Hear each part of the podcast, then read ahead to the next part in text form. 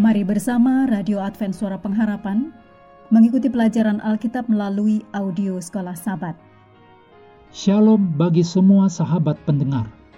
Kabar baik bahwa kisah dan kesaksian terkait siaran dan pelayanan AWR Indonesia kini dapat diikuti secara berkala, baik melalui siaran harian Radio Advent Suara Pengharapan setiap minggu kedua dan keempat, juga melalui YouTube dan Facebook AWR Indonesia. Terima kasih banyak untuk yang sudah menyampaikan dan masih terbuka bagi Anda semua untuk segera SMS atau telepon ke nomor AWR di 0821 1061 1595 atau di nomor 0816 1188 302 untuk WhatsApp dan Telegram. Kami tetap menunggu dukungan Anda. Selanjutnya kita masuk untuk pelajaran hari Jumat tanggal 8 Juli. Ini adalah bagian pendalaman. Mari kita mulai dengan doa singkat yang didasarkan dari 2 Korintus 13 ayat 7. Kami berdoa kepada Allah supaya kami tahan uji, supaya kamu boleh berbuat apa yang baik. Amin.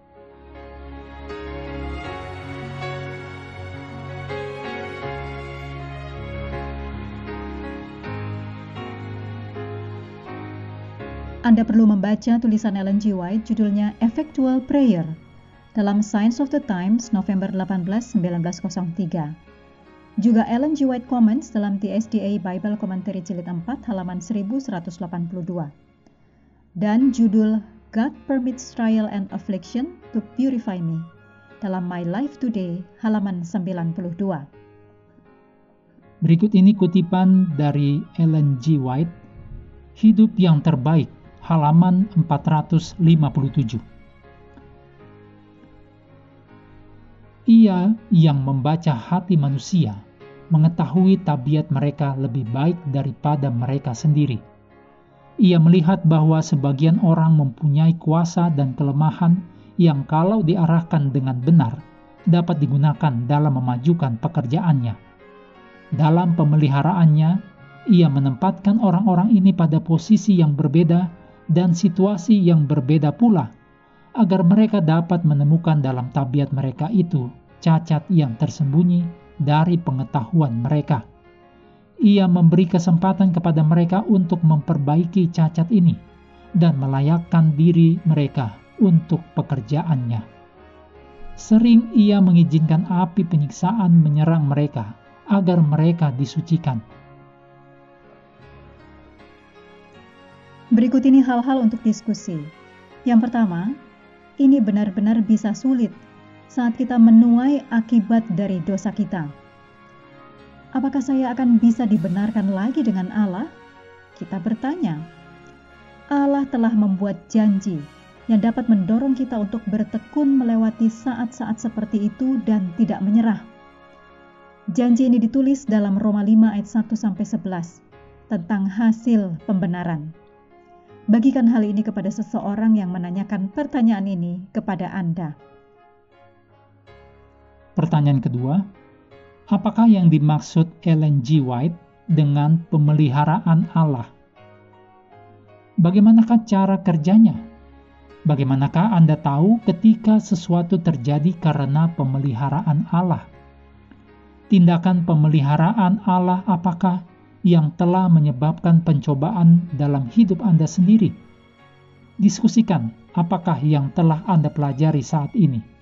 Bagaimanakah Anda dapat membantu orang lain yang bertanya-tanya apakah suatu peristiwa memang merupakan pemeliharaan Allah. Yang ketiga, jika Anda mengenal seseorang yang sedang mengalami cawan lebur saat ini, Apakah itu perlu atau haruskah itu perlu? Apakah penyebabnya? Yaitu bagaimana seharusnya Anda bereaksi terhadap orang ini dan penderitaannya, apa pun penyebabnya.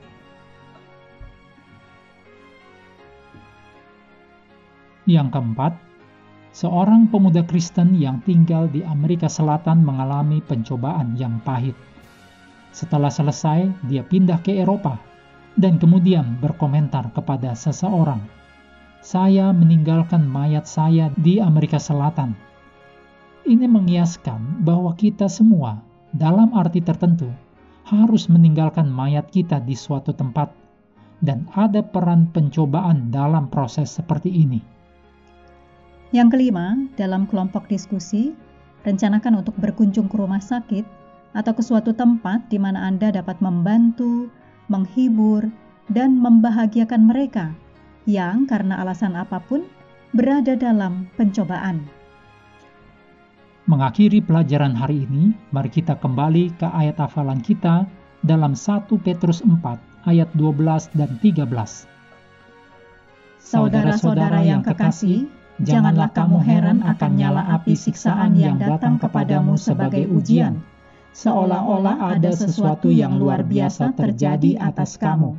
Sebaliknya bersukacitalah, sesuai dengan bagian yang kamu dapat dalam penderitaan Kristus, supaya kamu juga boleh bergembira dan bersukacita pada waktu Ia menyatakan kemuliaannya.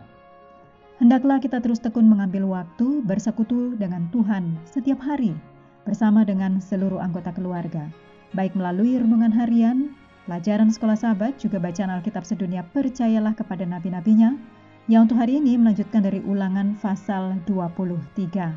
Tuhan memberkati kita semua.